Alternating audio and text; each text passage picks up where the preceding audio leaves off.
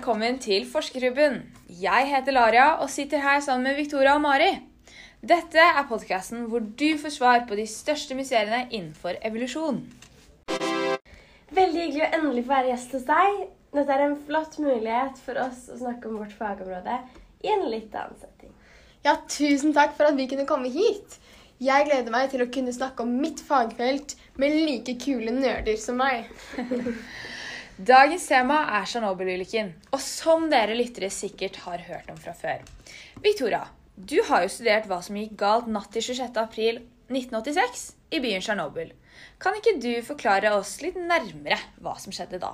Jo, som du nettopp nevnte, gikk det galt natt til 26. april 1986 i byen Tsjernobyl i Ukraina når reaktor 4 ved Tsjernobyl-kraftverket eksploderte. Oi, wow! En eksplosjon. Så spennende. Men hvorfor skjedde akkurat dette? Først og fremst kan jeg forklare hva et kjernekraftverk er. For dere lyttere som hører på. Et kjernekraftverk er et kraftverk som produserer elektrisk energi ved hjelp av kjerneenergi.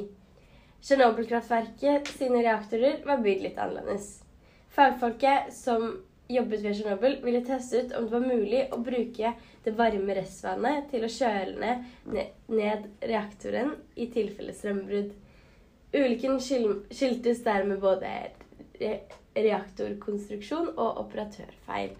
Under forsøket ble reaktoren overopphetet, slik at det oppsto en dampeksplosjon, et fullt av flere branner og store radioaktive utslipp. Men hvordan klarte man å stoppe brannene og utslippene fra å spre seg? Hvor mange bidro til dette? Jo, for å stanse brannene ble helikopter benyttet til å dumpe brannhemmede og stråleabsorberende materiale, slik som sand og leire. Dampeksplosjonen medførte at tre til fire tonn kjernebrensel ble slynget ut fra reaktoren nesten 1,5 km opp i lufta, og bidro til betydelig nedfall av radioaktive stoffer. Nedfallet var størst innenfor en sone på 30 km omkring kraftverket. Og pga. strålefaren måtte mannskapet skiftes veldig hyppig. Derfor bidro hele 600 000 mennesker til sammen i sluknings- og opprydningsarbeidet etter ulykken. 600 000 mennesker. Det er ganske mange, det. Men et veldig relevant eh, tema ved Tsjernobyl-ulykken er radioaktivitet, ettersom det var det som eh, preget hele hendelsen. Ut fra reaktoren ble det nemlig sendt ut eh, hovedsakelig celsium-137. Og det er et radioaktivt isotrop. Isotropene ble dannet ved fusjon av uran og finnes i atomreaktorer og atomvåpen. Det, radio, det radioaktive isotropet har en halveringstid på 30 år. Noe som betyr at det fortsatt er noe radioaktivitet i lufta fra ulykken. Fordi det fortsatt finnes store mengder radioaktivitet radioaktivitet i lufta. Og spesielt i Tsjernobyl, hvor ulykken fant sted, bor det ikke folk der den dag i dag. Men før vi går videre til deg, Mari, så tenkte jeg at vi kunne ta en reklamepause med vår favorittsang. Det finnes ingen supersprøyter som gjør at du kan gå på skøyter, selv om du er ganske flink i drømme finnes ingen snarvei til å svømme. Det finnes ingen magisk lue som gjør at du kan stå på huet, selv om du har livat fantasi. Fins det noen grenser for hvor rask du kan bli? Tenk om det hadde vært så enkelt at ingen trengte trene og øve.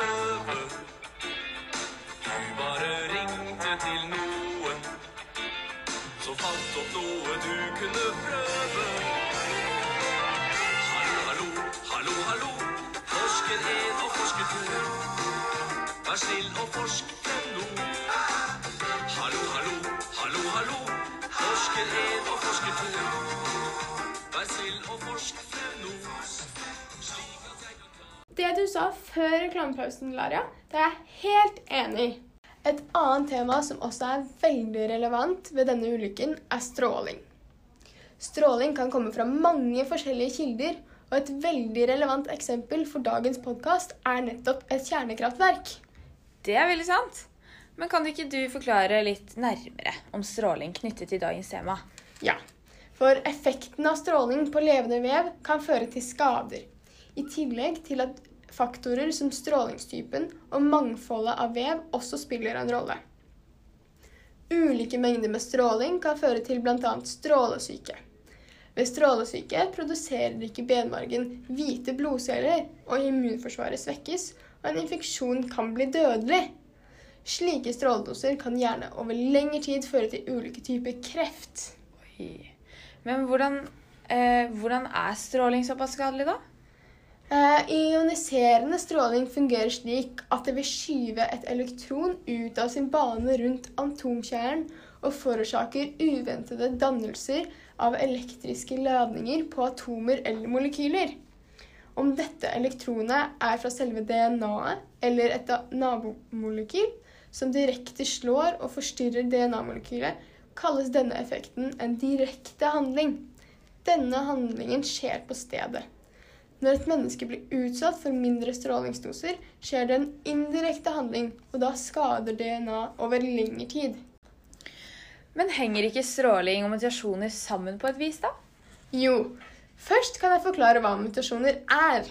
Mutasjoner er plutselige forandringer i en organismes arvestoff, DNA.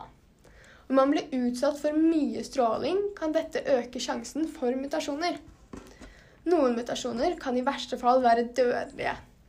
Mutasjoner kan også være helt ufarlige eller medføre små plager, men de kan også føre til mer alvorlig sykdom, som bl.a. kreft. I etterkant av Tsjernobyl-ulykken er det gjort forsøk på å studere avkovene av både de utsatte og ikke-utsatte overlevende.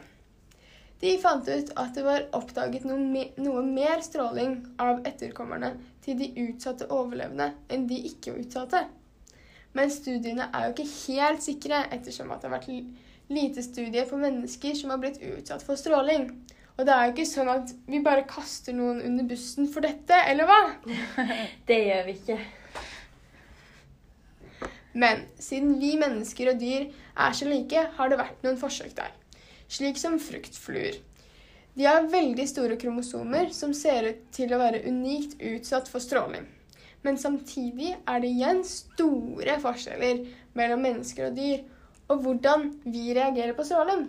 Spennende. Men Tsjernobyl-ulykken har jo forårsaket både globale og lokale medisinske og sosiale konsekvenser.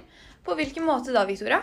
Som sagt ble store mengder radioaktive partikler spredt ut i omgivelsene og i atmosfæren. Dette skapte store helsemessige konsekvenser med tanke på hvor stor radioaktiv dose befolkningen ble utsatt for. Studier viser at mennesker som ble eksponert for ulike mengder stråling under ulykken, kunne få umiddelbare helsemessige virkninger, som f.eks. strålesyke. Andre utsatte mennesker kunne få langsiktige virkninger, som f.eks. kreft i skjoldbruskkjertelen. Mengde stråling man ble utsatt for, økte sannsynligheten for å bli offer for de langsiktige virkningene. De 19 personene som overlevde akutte stråleskader rett etter ulykken, døde i løpet av årene som fulgte. Virkninger etter ulykken var derimot ikke bare pga. direkte stråleeksponering, men også pga. faktorer som ikke hadde noe med stråling å gjøre. Sier du det? Men hvilke andre faktorer, da? Jo, bl.a. hvordan situasjonen ble håndtert. Virkninger som stress og traumer var et resultat av evakueringen av mennesker fra de mest utsatte og forurensede områdene. Påtvunget flytting førte til usikkerhet om hva som skulle skje, og ofrene som ble flyttet til nye hjem, var særlig deprimerte grunnet usikkerhet når det gjaldt bolig, økonomiske vanskeligheter og frykt for sin egen og barnas helse.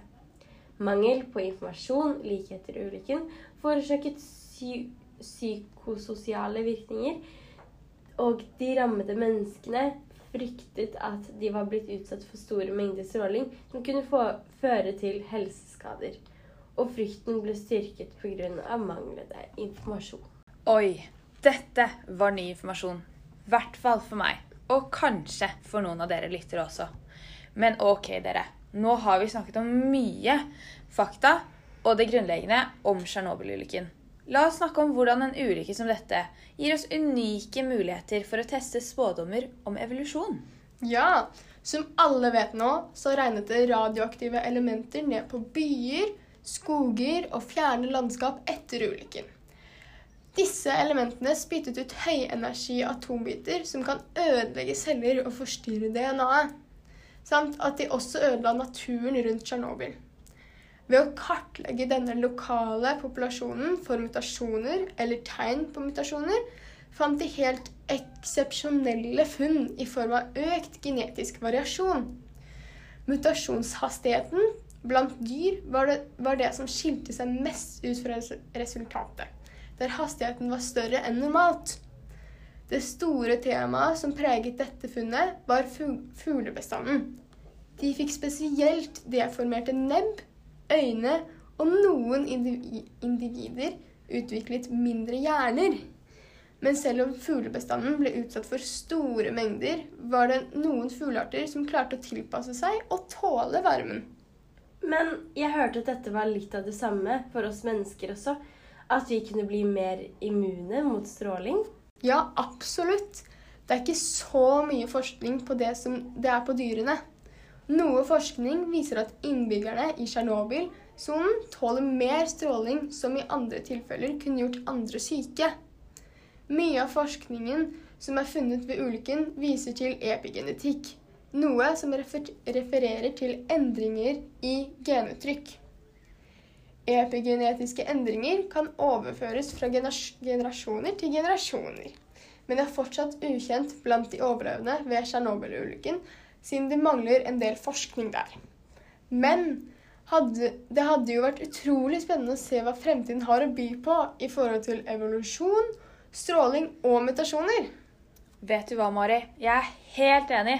Hadde vært så utrolig spennende å se om man får til noe innenfor bioteknologi. Som en annen metode, f.eks. For, eksempel, for å ta ut de ødelagte kroppscellene som har blitt utsatt for mutasjoner og kan føre til kreft. Og erstatte de f.eks. med da nye, friske celler. Oh my god, Der sa du noe. Altså, Vi har jo CRISPR-metoden i dag, men det er jo mange land som forbyr dette fordi det har såpass usikkerhet, og man ikke, igjen som du sa, Mari, mangler en del forskning på det.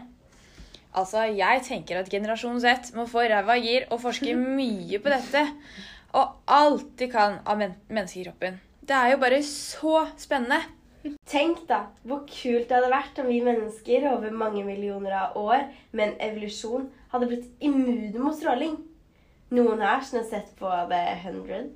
The 100, altså. Det er noe for seg selv. De som bodde i verdensrommet på det skipet, hadde jo blitt utsatt for masse stråling.